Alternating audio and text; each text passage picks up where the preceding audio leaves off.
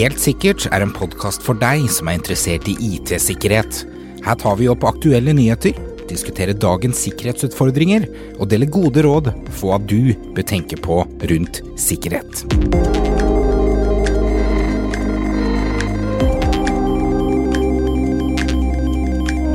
Hei, og velkommen til eh, Helt sikkert. Mitt navn er Stian, Mitt navn er Alexander. og i dag skal vi snakke litt om DDoS.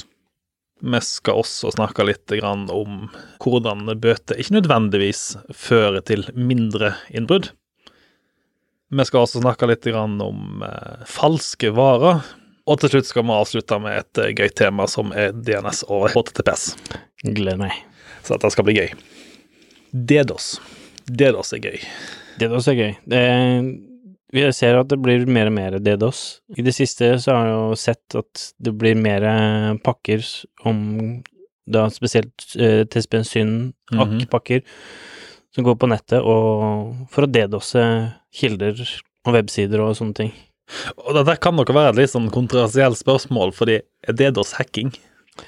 Nei, egentlig ikke. Eh, DDoS kan være bare at eh, si da, én maskin sender en pakke til mange maskiner, Mhm. og forfalske sourcen kommer fra. Så den sourcen han forfalsker, er da én maskin, så da vil du få alle maskinene som du da har sendt denne pakken til, til å flodde den ene maskinen.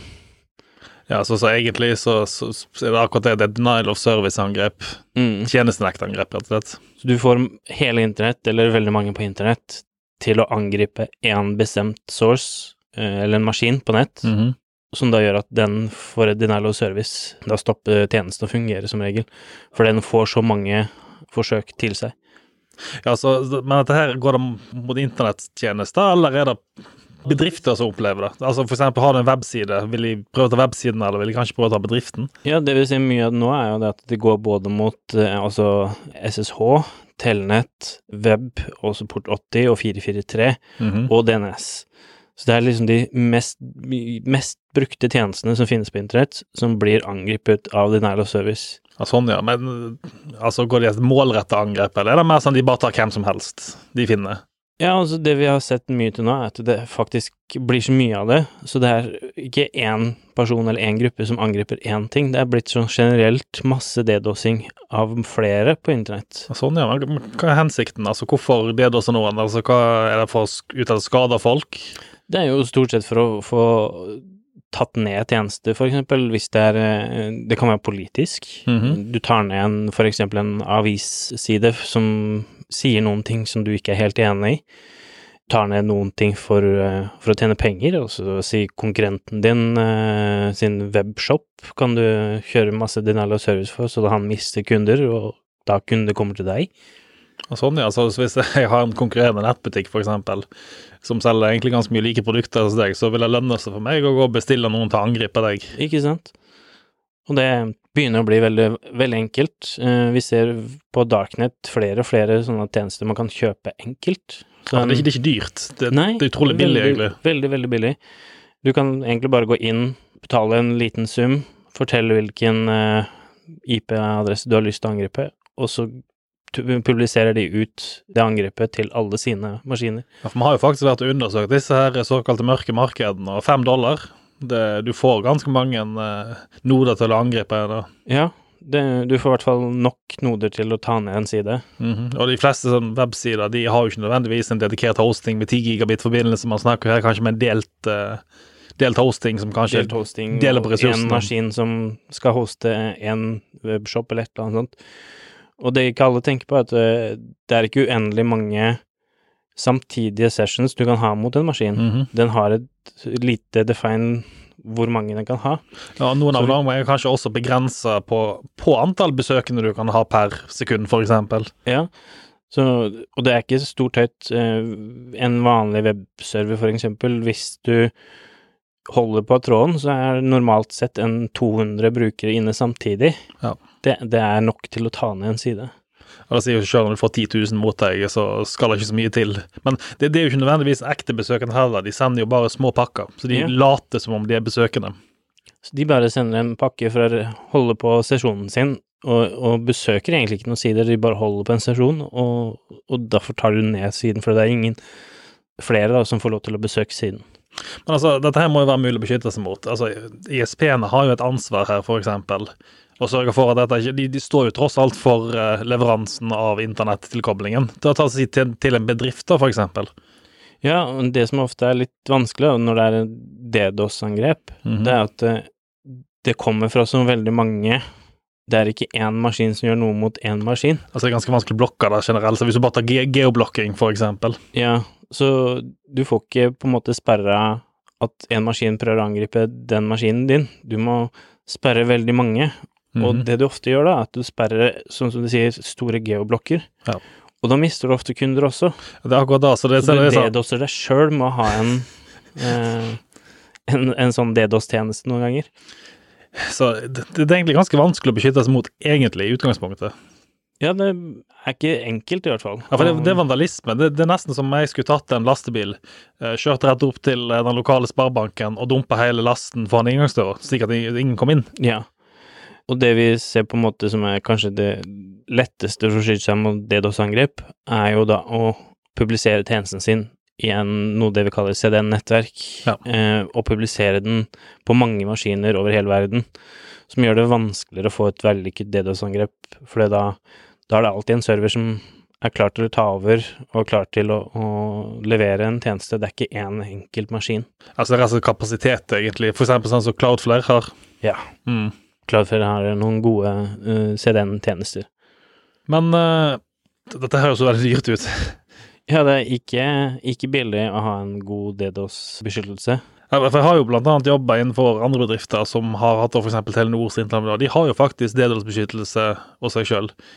Så de største ISP-ene har kanskje noe, også noe beskyttelse. Hvis vi snakker da om en bedrift, f.eks. et eh, bedriftsnett, f.eks. Hvor du har bare en lokal brannmann for å komme inn på internett. Hvis jeg skulle ha stoppa f.eks. la oss si eh, rørleggerbedriften AS fra å komme seg på internett, så hadde jo jeg angrepet brannmuren deres. Ja.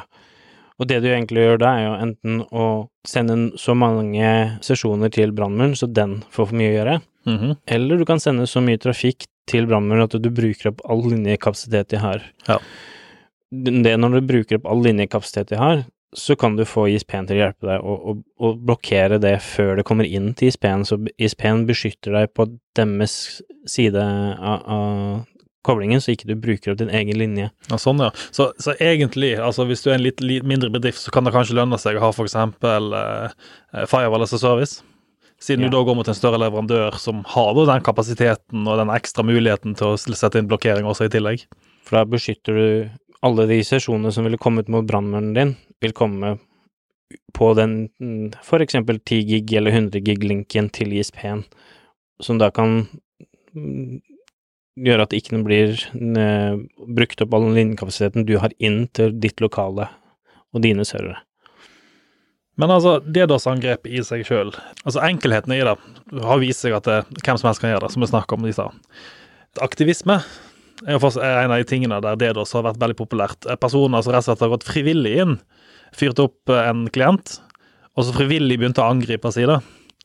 Ja, vi har jo en hendelse som skjedde her uh, i fjor, mener jeg det var, mm -hmm. uh, der internett, faktisk store deler av internett ble tatt ned. Stemmer det, ja. av en DDoS der noen angrepet uh, flere DNS-tjenester rundt om i verden, så svar på DNS slutta å funke for veldig, veldig mange. Mhm. Og det tok jo da ned veldig store deler av internett.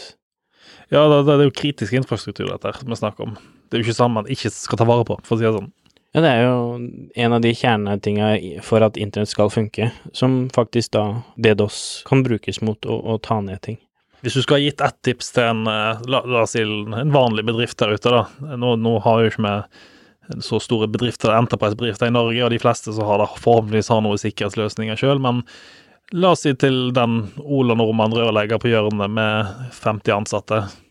Hva vil du gi til som beste tips? Aller beste tips eh, ha en eh, god kontakt med ISP-en sin. Mhm. ha en kontaktperson du kan ringe til og få hjelp. Ja. Normalt sett så vil ISP-en din hjelpe deg med DDoS-angrep uten at du behøver å betale for en tjeneste for det hvis det er skikkelig ille ute. Ja, for det går utover de òg, egentlig, i utgangspunktet. For det er jo egentlig all, trafikken og all, eh, alle disse pakkene går gjennom ISP-en sitt nett også. Ja. som oftest når du da har blitt DDoS-a, så er det kanskje litt sent eller tar lang tid å skaffe den kontaktpersonen. Mhm. Så gjør det på forhånd. Ta kontakt med ISP-en din og få en kontaktperson du kan ha kontakt med. Ja, Det hørtes nok ut som et uh, veldig godt tips, vil jeg si. Men uh, da skal vi ta og eh, gå videre til neste tema. Datainnbrudd. Det har vært en eh, god del datainnbrudd i det siste. Um, og det er så mye snakk om dette her med GDPR, og man snakker om bøter med datainnbrudd. Eh, Så har det jo vist seg da at bøtene i seg sjøl kanskje ikke er nødvendigvis det som skal til for å stoppe innbruddet. Nei, for bøtene er ikke noen ting som automatisk gjør at ting blir sikrere. Nei, og det, det, det kanskje det veldig mange misforstår. De tenker at å, nå, er- nå, nå gir de bøter til disse selskapene, så da øker det sikkerheten. Ja, for det, ofte så handler det ikke det om at man ikke bruker penger på sikkerhet. Nei. Det handler ofte om at man har ikke tid eller ressurser til å bruke på sikkerhet. Og det å bare bøtelegge noen, det vil eh, gjøre at de egentlig bare har mindre penger å Ja. bruke på sikkerhet. For hva skjer egentlig når en bedrift får en bot? La oss si at eh, bedrift A har hatt et datainnbrudd. Det viser seg at de har mista kontroll over persondata, i dette tilfellet altså i lønnssystemet til bedriften, slik at eh, informasjon om de ansatte har kommet på avveie. De får så en bot, la oss si da to millioner euro i bot. Denne bedriften, vil den da ha penger etter boten til å øke sikkerheten, eller vil de kanskje tenke at ja, det skjedde noe, men det kommer ikke til å skje igjen. Ja, eller eh, grunnen til at du ofte får boten er jo fordi at du ikke har gjort noen ting med sikkerheten, men det kan mm. godt hende at de har begynt, men har ikke kommet langt i sikkerhetsjobben. Ja. Og da med å få en svær bot, så stopper det kanskje den jobben med å gjøre den sikkert. Nettopp, sant? For å få ha råd til å betale boten. Yeah. Så, så egentlig så burde jo boten vært betal penger til oss, og når dere har fiksa sikkerheten og fått alt på plass, så får dere igjen noe penger. Slik at du har en insentiv til å faktisk gjøre noe med sikkerheten. jeg syns det høres ut som en veldig god løsning. Mhm. Eh, Og um, hvis du ser det fra et uh, angrepsperspektiv, nå skal jeg fortelle litt hvordan jeg ser det da.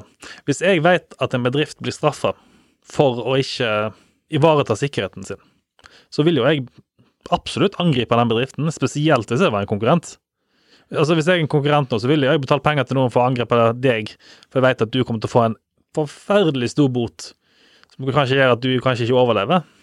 Ja, og det behøver ikke nødvendigvis være en konkurrent heller. Det kan være en angriper som ser snittet sitt til å angripe deg, og fortelle at han har angrepet og tatt dataen din, og forteller deg at hvis ikke du betaler meg, så forteller hele verden om det, så du Ja, får en bot.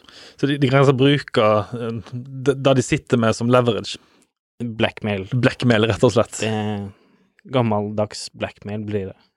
Så egentlig så er det et intensiv å bli angrepet nå når GDPR kommer på plass. Ja, for noen så, så, ser de i snittet at de kan tjene godt med penger fordi de kan få tak i data som nødvendigvis ikke er sen, i sikkerhetsøyemed noe farlig, men det er sensitivt av det er personopplysninger eller noen sånne ting. Mm. Noe som ikke nødvendigvis gir den som angriper, noe verdi. Men nå gjør det det. For, for GDPR er jo egentlig ikke i utgangspunktet ment for å beskytte bedriften, det er ment for å beskytte eh, personvernet. Ja. Er ment å beskytte den enkeltindividen Mhm. i bedriften eller eh, partnere eller hva. Også jobber i sikkerhetsbransjen, men vi syns jo ikke det egentlig er negativt når GDPR kommer og slike regler kommer på plass, for da setter jo selvsagt fokus på sikkerhet. Og det, det er jo en utvikling i USA, blant annet, der flere stater nå faktisk begynner å få inn regelverk som faktisk er tilsvarende GDPR.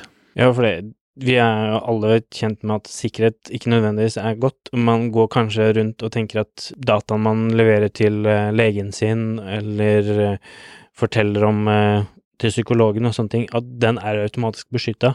Ja, og nå Men- var det jo faktisk en artikkel her for ikke lenge siden om at nordmenn er veldig flinke på å levere fra seg persondata. Ja. Og vi går rundt i en falsk trygghet og tror at alt det er beskytta, men Mhm. det er ikke veldig vanlig at sånne ting er ordentlig godt beskytta. Nei, altså, hvis vi hadde tatt en spørreundersøkelse og funnet ut hvor mange som krypterer dataene sine som de lagrer, på diskene på, på serverne sine, eksempel, jeg tror ikke det ville vært veldig høyt. Nei, det kan nesten si eh, under en håndfull. Ja, det, i hvert fall de erfaringene som jeg har gjort meg opp når jeg har vært ute på diverse kunder, at det, det er ikke en prioritet. Men er det fordi det er vanskelig, eller er det fordi at rett og slett ikke de har nok kjennskap til å ha sikkerhetstiltak for å kunne gjøre det? For de aller fleste så er jo ikke det å beskytte dataene det som er deres daglige jobb. Så, som for eksempel hos en lege, så vil jo ikke legen tenke på det at jeg må beskytte dataene til denne personen her. Og de vil ofte kanskje sette bort sånne tjenester til noen andre, at du skal hoste og lagre dataen din. Men de har ikke noe forholdelse til at den dataen som blir lagret, er noen personopplysninger heller. Mm -hmm. Så det er kanskje litt miskommunikasjon man har ikke helt forstått hva den dataen man lagrer er av sensitivitet, og noen ganger så koster det så mye penger å gjøre det her riktig at det blir unngått. Ja, for det er jo da at det er ganske mange som sitter på ganske mange gamle legacy-systemer, og det vil koste mye å for det første oppgradere de og få det opp til nye versjon, men også få de til å fungere med de sikkerhetstiltakene som er anbefalt nå til dags. Ja, og alle er redde for å gjøre noe med det de har i dag, for det, det de har i dag funker kanskje litt de har vært vant til at ting som har vært før, funker dårligere, og da når de skal bytte ut en ting, så, så er de redde for at ting vil slutte å funke. Så sikkerhet eh, er for veldig mange kanskje et vanskelig ting å innføre, på grunn av at det er så mange ting som vil forhindre deg å, å få det til. For litt av grunnen til at vi snakker om dette her nå, er jo fordi at undersøkelse undersøkelser fra 2019 viste at uh, antall innbrudd øker samtidig så bøtene øker. Ja, for det er, de, det er mange som har skjønt at de kan få, få gevinst da, når det der ja, er, handler om bøter. Det er jo akkurat det. Men nå skal vi snakke om eh, noe annet, noe som begynner å bli litt mer teknisk. Vi skal snakke om forfalskning av varer. Ja. For det er jo ikke gull alt som du kjøper, selv om du tror det er gull. Når du handler en vare på internett i dag, og selv om det står et merkevare som Nike eller Adidas eller Cisco, så er det ikke sikkert at det er det du får. Når du handler en vare på internett, så må bestille denne, få den tilsendt. Som regel så lages den i Kina eller i utlandet, hvis du snakker om elektronikk. Så hvordan kan du være sikker på at det du får, er faktisk det du bestiller. Ja, er det noen måte å være sikker på det? Nei, er det egentlig det? Eh, det, er egentlig et godt spørsmål, fordi hvis vi tar tilbake litt i tid, da, så man f.eks. på NSA, som er den amerikanske etterretningsorganisasjonen, de hadde et program der de gikk inn i Cisco-utstyr, som ble sendt da fra USA, og da altså eh, produsert i hermetegn, fordi delene kommer fra utlandet, i USA der de rett og slett gikk inn i boksene og monterte ekstra komponenter i de, som da ble sendt til utlandet. Og dette var jo da selvsagt til land som eh, amerikanerne selvsagt hadde interesse av å hente ut informasjon ifra. For å spionere? Rett og slett. Og disse boksene så ut som om de var helt urørt. De erstattet til og med denne garantilappen. Se på det. Og Det så ikke ut som noen hadde vært borti den engang, og de gjorde det med Cisco sin tillatelse i hermetegn, fordi man går jo selvsagt ikke ut og innrømmer noe sånt. Men muligheten til at de kunne gå gjøre det Og det, er nå snakk om ekte varer, vi snakker ikke om forfalskninger. Dette er faktisk ekte produkter fra Cisco. Og når de har den muligheten, så kan du tenke deg på alt som kommer inn fra utlandet, som de ikke noen har kontroll over. Jeg, eh, jeg, var, jeg bestiller ganske mye på internett, det må jeg innrømme. AliExpress og Alibaba og egentlig Kommer ikke alle de fra Kina? Jo, de, de er det, men eh, det er ganske mye kult på internett, og eh, jeg må nok innrømme at når det koster ti kroner, så trykker jeg på bestillknappen. Ja, for det kanskje det som er dyrere Jeg vil jo tro at mange av de tinga, og i hvert fall elektroniske komponenter som blir laget, selv om du kjøper det da kanskje fra USA, mm -hmm. så vil kanskje alle komponentene inni kommer fra Kina. Ja, ikke bare da, men altså de, de, kommer faktisk kanskje fra USA, blir sendt fra USA, og så har kanskje de som jobber i USA, importert de fra Kina òg. Slik at man tror kanskje at de kommer fra, og så kanskje de hiver på en sånn made in USA. Apple hadde faktisk en ganske kul sak på det der. For eh, Apple-telefoner hadde en stund siden made in USA. Ja, vil ikke det egentlig bare assemblet yes. i USA? Akkurat da. For komponentene kom jo Det er akkurat Fra- det de mente. De mente at det var montert i USA. Og da er det made i USA, selv om komponentene kom fra Kina. Litt juks, kanskje. Det- For det, du vet jo aldri hva som er på de komponentene når de kommer fra et annet land. Det er jo sant, og nå, nå, nå er det etter Apple som er Forhåpentligvis så har jo Apple ganske kontroll på fabrikkene de produserer i. Eh, forhåpentligvis. Og, og Google alle disse store. Men ta en liten produsent, da. En eh, liten produsent av ei smartklokke, eksempel. De får delene inn til USA, de monterer de i USA. Når du kjøper den på eBay eller Amazon, så står det 'Made in USA'. Hva forutsetning har du egentlig for å vite at den faktisk er lagd i USA, eller om den faktisk kommer fra Kina, egentlig? Nei, hvis ikke du kan veldig mye om komponentene og kan gå inn og se på de hver enkelt, så er det jo ingen garanti for en vanlig bruker til å finne ut om hvor den er egentlig produsert hen. Det er jo da, og Amerikanske forsvaret har nylig vært borti en sak eh, angående forfalskning av varer, eh, der de hadde faktisk eh, made in USA. Og nå snakker vi faktisk om Forsvaret her, så de burde jo ha tiltak. Akkurat denne saken så hadde de oppdaga kinesiske tegn på produktene, som da i teorien skulle vært produsert i USA. Ja, de små komponentene inn i Ja, små komponentene inn i boksene. Men her snakker vi også forfalskning av varer med, med vilje. De visste jo at de kom fra Kina. Men her hadde man da 88 millioner dollar i salg til det amerikanske forsvaret, så det egentlig er småsummer. Men kan du tenke deg en liten sånn enhet, bitte liten enhet, som står inne i Forsvaret sine systemer.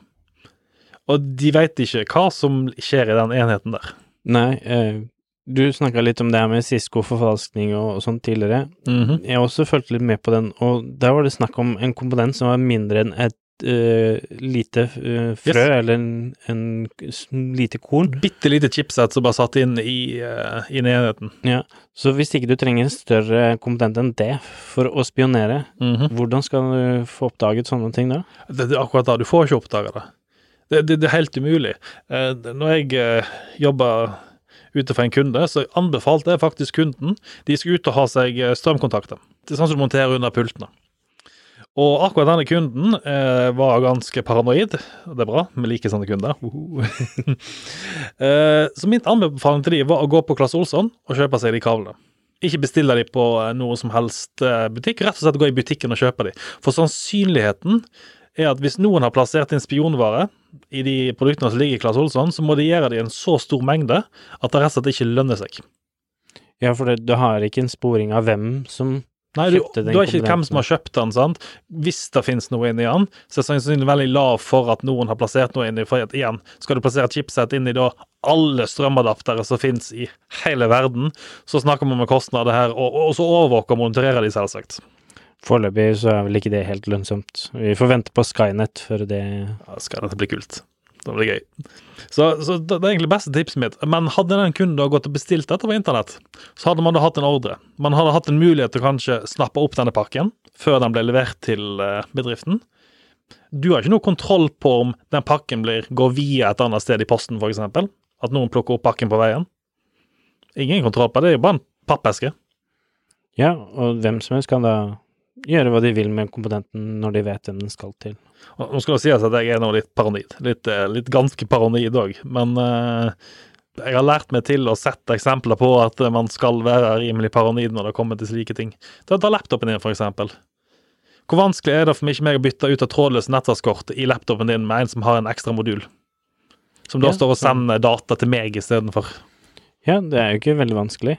Mange av laptopene er jo enkelt å skru opp og bytte ut minnebrikker og, og sånne ting, og, og kan Nettopp, lett, lett gjøres det med.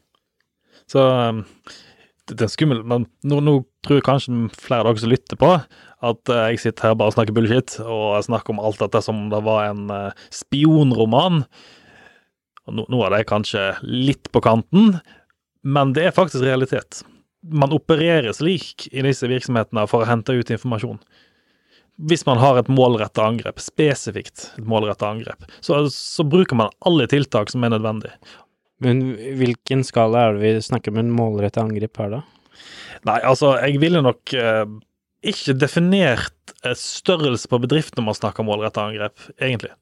Fordi den lille bedriften med to ansatte, som jobber her nede kanskje med arkitektur, la oss si innenfor olje, da, produserer og, og designer oljeutstyr, så ville det vært mye enklere for meg som en angriper å gått mot de, enn å gå mot det store selskapet som sitter på andre siden. For jeg vet at de to produserer utstyr som uansett kommer til å havne i produksjonen.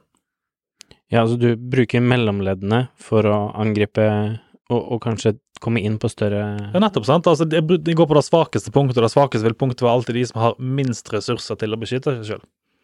Og Derfor er det også viktig at de store selskapene faktisk stiller krav til de mindre leverandørene sine, og sier at vi skal ha det sånn og sånn og sånn, og, og dere skal følge disse sikkerhetskravene.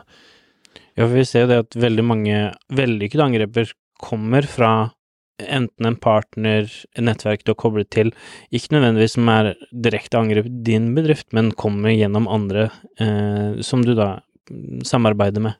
Mhm. Og det, det, er ikke bare den lille små biten at det går utover. Jeg satt og så på en kul serie um, her om dagen. uh, oh, US Customs, der de har det er filmer fra det amerikanske tollvesenet. Og når de inspiserer, der kom det noen sikringer. Og på disse sikringene så sto det Siemens. Og da viste det seg at det var ikke Siemens-sikringer, det var forfalskning. Men de som hadde kjøpt de, hadde fått de da til en tiendedel av prisen. Ja, altså spionvare er billig eh, ja, det, for, for de som kjøper. Og, og, jeg som kjøper da, vil jo da selvsagt ikke Altså, jeg vil jo ha det til billigst mulig pris til best mulig kvalitet. Så jeg ville jo bestilt de billigvarene. Men du veit jo ikke hva kvalitet som er på det i tillegg. Og i fremtiden, hva hvis noen da hadde trodd det var ekte vare, og så kanskje kjørt gjennom høyere strøm gjennom disse sikringene, f.eks., og så hadde det begynt å brenne? Ja. Hvem, hvem så hadde hatt ansvaret, da? Ofte så er det en grunn til at ting er billigere enn andre. Det da, og det er ikke, det er ikke fordi man nødvendigvis gjør det bedre. Nei. Og spiller vi litt tilbake på IT-sikkerhet, da. Ta en brannmur, for eksempel. En brannmur, la oss si den er merka med Cisco, og så er det ikke Cisco som kjører på den. Det er kanskje noe gratis open source programvare, men du veit egentlig ikke bedre. Nei. Hvordan vil du beskytte deg mot det? Er det noen måte å beskytte seg mot sånne type det er jo egentlig det. Eh, for det første så ville jeg eh, ikke bestilt dette sjøl hvis jeg satt i en bedrift. Jeg ville jo gått via en partner, slik at man vet man får de varene man bestiller. Og forhåpentligvis så har jo den IT-partneren da en kompetanse som ikke jeg har. og Det er derfor jeg velger å bruke det, eller en sikkerhetspartner, f.eks. Da, da vil jo hjelpe på. Mm. Jeg vil også legge til at kanskje en anbefaling der er at hver gang du får en komponent, så vil man flushe eller oppdatere ja. komponenten med nytt, oppdatert firmware. Selv om kanskje den kommer med det siste, så ville jeg gjort det her på nytt. For å eksempel fjerne bakdører en, en leverandør har lagt, ting, ja, ja. lagt inn i komponenten. Og det er ikke bare brannmur. Altså, den laptopen som du kjøper på Elkjøp, eh, hvis det sitter noen der ute nå, så bruker den uten å ha reinstallert den, så anbefaler jeg at dere tar kontakt med noen som kan få reinstallert den laptopen, for der ligger det mye grums. Ja. Det er veldig mye som ligger på laptoper fra ja, leverandører som leverer i masse, både for å ringe hjem til leverandøren for å si at her er jeg, men også for å gjøre det enkelt for brukere til å levere support, som også gjør at de kan komme inn på devicen ja. på en enklere måte. For Asus hadde jo en sak for ikke så lenge siden på akkurat sånn type programvare som lå installert på PC mener det var Asus Update Utility, der noen hadde fått tilgang da og kunne legge inn eh, egne programvarer som ikke var helt heldige, og kunne deployere ut f.eks. virus og trojanere via verktøyet deres. Ja, eller mm, sånn som også har vært kjent med drivere som logger eh, keylogging og kan ta og stjele brukerne med passord ut ifra hva de har lagt inn av drivere på maskinen. Så eh, egentlig, hvis du bestiller noe på AliExpress og Alibaba være veldig skeptisk til å bruke det i bedriften. Selvsagt, det er jo ganske mye kult der. Ehm, så jeg, jeg kommer nok ikke til å slutte å bestille. Kanskje når denne her 350-kronersgrensen oppheves, så blir det mindre, men, eh, men elektronikk ville jeg nok kanskje vært litt mer skeptisk til å bestille, generelt sett. Det er veldig vanskelig å finne ut om det er det du faktisk har bestilt eller ikke. Så vær forsiktig med hva du tar inn i nettverk som du mener er uh, viktig å ha beskytta, da. Ja. Et annet godt tips ikke koble til telefonen din til PC-en. Nei. Det er iallfall ikke via en kabel som du har bestilt, og via utlandet. Det kan være andre ting i den kabelen, så skal ikke vi snakke om det akkurat nå. Eh, det blir en, et tema for en eh, senere episode. Kanskje vi skal ta en spesialepisode på akkurat det, for det er et ganske kult angrep, men det skal vi ta senere. Så følg med.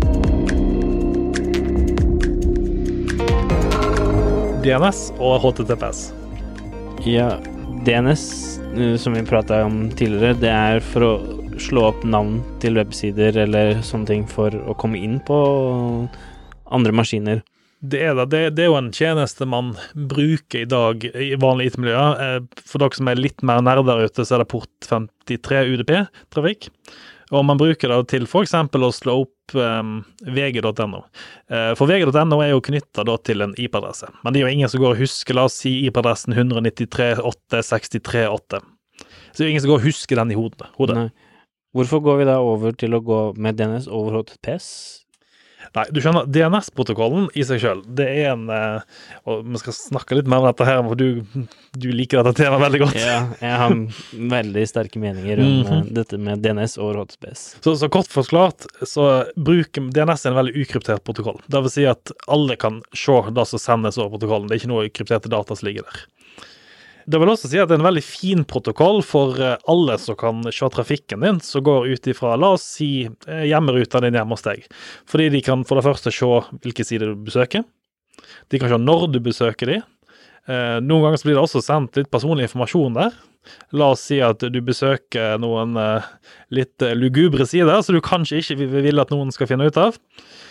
Og i, ta ISP-en din, da, for eksempel. Så kan de sitte og overvåke deg for å finne ut disse sidene du besøker. Ja, og det som har vært veldig mye i amerikanske medier, det er at ISP-er overvåker og endrer på de DNS-oppslagene du gjør. Ja.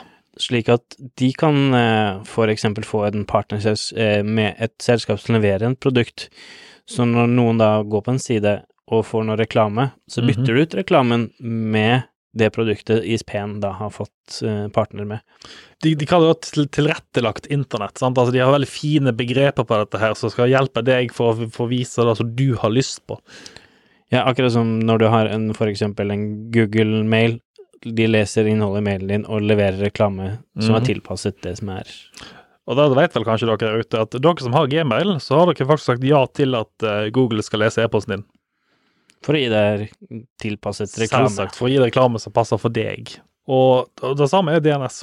Det, den gir den muligheten da til eksterne parter, men ikke bare til eksterne parter. Altså Hvis du ser eh, meg som en angriper, så vil jeg absolutt ha tilgang til DNS-trafikken din. For det første så kan jeg sende deg hvor du vil.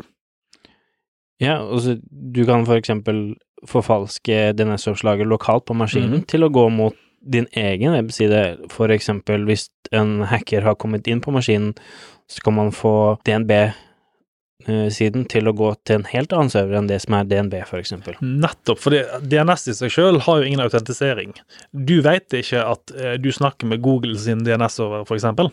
For du har jo bare fått en IP-adresse som du snakker mot. Ikke sant. Og når du da kan så enkelt forfalske og endre DNS-er, så gjør det her med å gå over til HTTPS det her kryptert. Ja, for altså, det har vært ganske mye i media med dette med HTTPS og websider. At uh, Chrome nå skulle gå over til å nekte deg å besøke utrygge websider, altså uten uh, kryptering. Men de fleste har kanskje hørt om det der, men på DNS? Ja, du pakker da inn det forespørselen du gjør på DNS, inn en forespørsel akkurat som du ville gjort når du går på en sikker side og sender da DNS-forespørsler kryptert over internett til da en dedikert DNS-server. Som da gjør det sikrere, sånn at ISP-en ikke kan se det, og endre på det, selvfølgelig, og andre på nettet øh, ikke kan finne ut hva du driver med. Ikke finne ut hva du driver med? Ja, øh, vi som da driver med sikkerhet, vi tenker jo veldig ofte på det at vi vil undersøke maskiner om de øh, for eksempel gjør noe skummelt, så vi monterer noen nettverk for å se hva de gjør for noe. Mm -hmm. Og det her med DNS over HTPS gjør at man da ikke kan se hva de maskinene gjør. Så hvis noen går på en eh, åpner en e-post, uh, for eksempel, eller går på en uh, iPad eller noen noe lignende på en skummel side, så kan man ikke se det. Ja, så, så, så, egentlig så det er et sikkerhetsproblem at man begynner med denne løsningen. Det har jo vært litt motstand mot det for den enkelte personen så er det jo en sikkerhetsforbedring som gjør at det er veldig god ting, mm. men for sikkerhetsleverandører som vil overvåke og sikre bedriften, så gjør det at du mister den sporingsmuligheten til å finne ut om det skjer noe gærent med maskinen. Og amerikanske myndigheter har jo vært ganske imot en slike løsninger. Eh, nå er det jo et veldig godt kjent, bl.a. annet eh, med Prism, som ble avdekket her for, av Snowden for ikke så veldig mange år siden, at det er etterretning, og man bruker da åpne kilder, som eksempel som eh, DNS, som ikke er beskytta kilder i det hele tatt, og beskytta trafikk, for å kunne bruke til etterretningsvirksomhet. Ja, og det, det å endre på DNS-er kan jo også være noe som et land velger å gjøre Ja. for å beskytte deg eller endre på noen ting. Ja, for det, det moro at du nevner det, fordi Kripos har et eh, sånn type filter. eh, Det kalles for barnepornofilteret.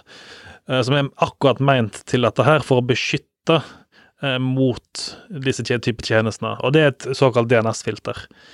Telenor eh, og andre store ISP-er har samme, som eh, kom for lenge siden, så kanskje var litt mer kontroversielt, for å beskytte mot piratkopiering. eh, Veldig spesifikt torrent-trafikk.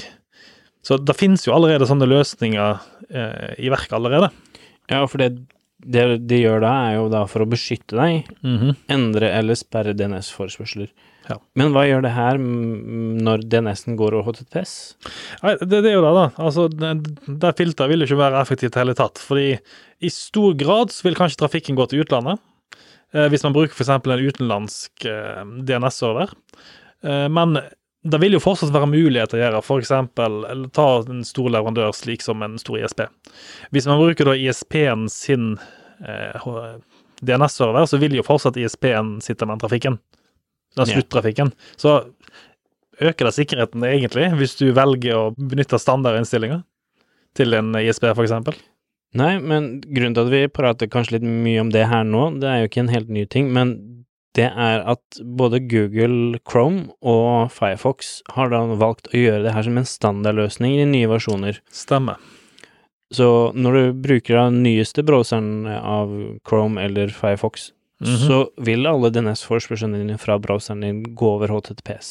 Og det som er jo litt unikt, er at de går da til DNS-servere som er spesifisert i browseren, ikke nødvendigvis lokalt på maskinen. Nei. Og det er ofte da, i hvert fall sånn som Firefox, går det til Cloudflare, som det er en eh, global amerikansk tjeneste, som da kanskje ikke har det barnefilteret inne.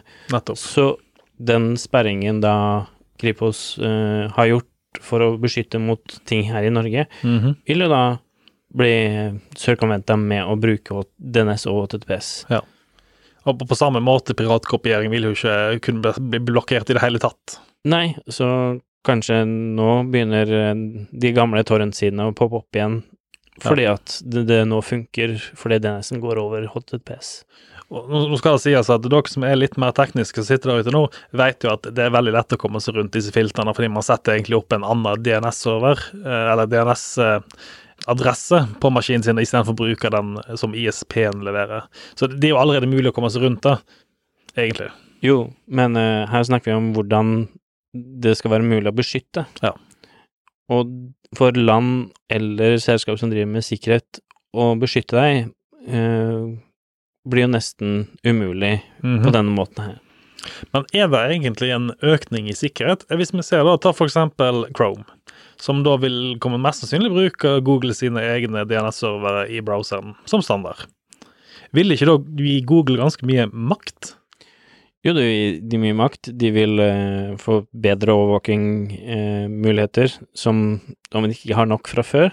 Mhm. Og, og du har ikke noen form for eh, sikkerhet der din firewall eller eh, din ISP eller landet går inn og beskytter deg mot sånne tjenester. Nei. Da må du ha noen ting på maskinen som gjør den aktive beskyttelsen. Og det er ikke alle som har en beskyttelse på maskinen. Nei, sant. For, for du er jo I dag har du jo den beskyttelsen, som du sier, med at eh, staten og ISP-ene til en viss grad har mulighet til å beskytte deg. Litt på samme måte som har disse her eh, telefonoppringningene. Disse falske numrene som blir oppringt for hele tiden. Der går jo faktisk teleleverandørene inn og så blokkerer de disse numrene, slik at man ikke kan ringe fra utlandet eh, på mange av de. Ja, Og det mange ikke tenker på, nå prater vi veldig mye om land og ISP-en og sånne ting, men akkurat denne her tjenesten for å sikre deg med DNS Mhm. er jo også noe veldig mange firewaller gjør i dag. Ja. Eh, om når vi da går over fra DNS til HTTPS, -hmm. så mister du den sikkerhetsfunksjonen som ligger i firewallene. Ja, der, ser du noe. Så DNS og HTTPS er godt i personlig sikkerhetsøyemed, Mhm. men i en bedrift så kan det ofte være kanskje en måte man mister sikkerheten. Så det kan faktisk gjøre det vanskeligere å beskytte seg, rett og slett. Ja, det finnes da muligheter i bedrifter å, å tvinge brukere eller eh, browsere til å ikke gjøre det her, men det er ikke noe kanskje alle IT-folk vet om hvordan de skal få gjort, og, foreløpig så er ikke det noe som er bakt inn i bedriftsbrannmurer enda, -hmm. at man skal tvinge brukerne til å bruke vanlig DNS internt. Og DNS over HTPS er jo egentlig bare foreløpig noe som funker i browsere. Ja. Men all annen DNS som foregår på maskinen, eksempel når du pinger en ting, da, Mhm. den går jo da over vanlig DNS. Ja. Så sier du pinger VG, den gir deg én IP-adresse når du pinger den, Mhm. men når du åpner den i webbrowseren din, så vil du da spørre en annen DNS-server over HTTPS og gi deg en helt annen IP-adresse. ja. Så du mister litt kontroll. Ja, så du får øke kompleksen, rett og slett, i, eh, i systemet. Ja, du gjør det enda vanskeligere å finne ut hvor ting går hen, og det går to forskjellige veier på noe som man trodde før da ville gå den samme veien. Og nå, nå skal det jo sies at uh, jeg som eh, personlig, jeg, jeg er veldig for uh, ting som gjør det sikre for, for meg. Men jeg ser jo det også fra IT-siden, og fra teknikersiden, og fra støttesiden, og ISP-partnerne og partnerne. De vil jo komme til å måtte jobbe med det, men for, ta for eksempel en eh, partner, da, for eksempel. Kanskje de da bare setter opp sin egen eh, DNS-tjeneste som faktisk leverer DNS over HTTPS til kundene sine? Ville ikke det vært en god løsning? Det ville vært en veldig god løsning, og Chrome har jo gått ut og sagt at der de har eh, i sin hvitliste en den DNS-en du har satt opp, Mhm. som i en sikker liste, så vil de sende trafikken dit. Men den listen er da eh, satt opp bare for noen få det neste leverandører. Det er ikke noe hvem som helst kan gjøre. Så, så det, det er en prosess man må gjennom hvis man har ønsker Kanskje en, man må gå via en større leverandør da, og så eh, for å skape løsninger der. Ja. Mm. Da tror jeg var alt vi hadde for i dag i denne episoden her. Det har vært uh, gøy, som vanlig. Gøy som vanlig, så jeg håper vi ser dere igjen neste episode. Ja, ly- lytt oss i hvert fall. Det skal, skal litt til å se oss igjen på, på, på, denne her episoden, men uh, Hvem vet, det finnes mange muligheter for å spionere på folk, tydeligvis. det, det gjør det definitivt. Uh, Nå skal ikke jeg si at jeg har vært borti noen av de før eh, på, en, eh, på en slik uh, podkast som dette her, men, eh, men vi vet nok noe om litt, eh, ikke sant, Alex? Ja, det, vi har sett det flere ganger. Så da får dere eh, ha en eh, riktig god dag, og så ses vi i eh, neste episode. Ja, takk for oss. Takk for oss. Podkasten Helt sikkert er laget av Cybron Security og produsert av Shaw Media. For mer informasjon om IT-sikkerhet, gå inn på cybron.no, eller så finner du oss også på Facebook under navnet Cybron Security. Vi tar gledelig imot innspill, tips, eller om du har spørsmål rundt din IT-sikkerhet.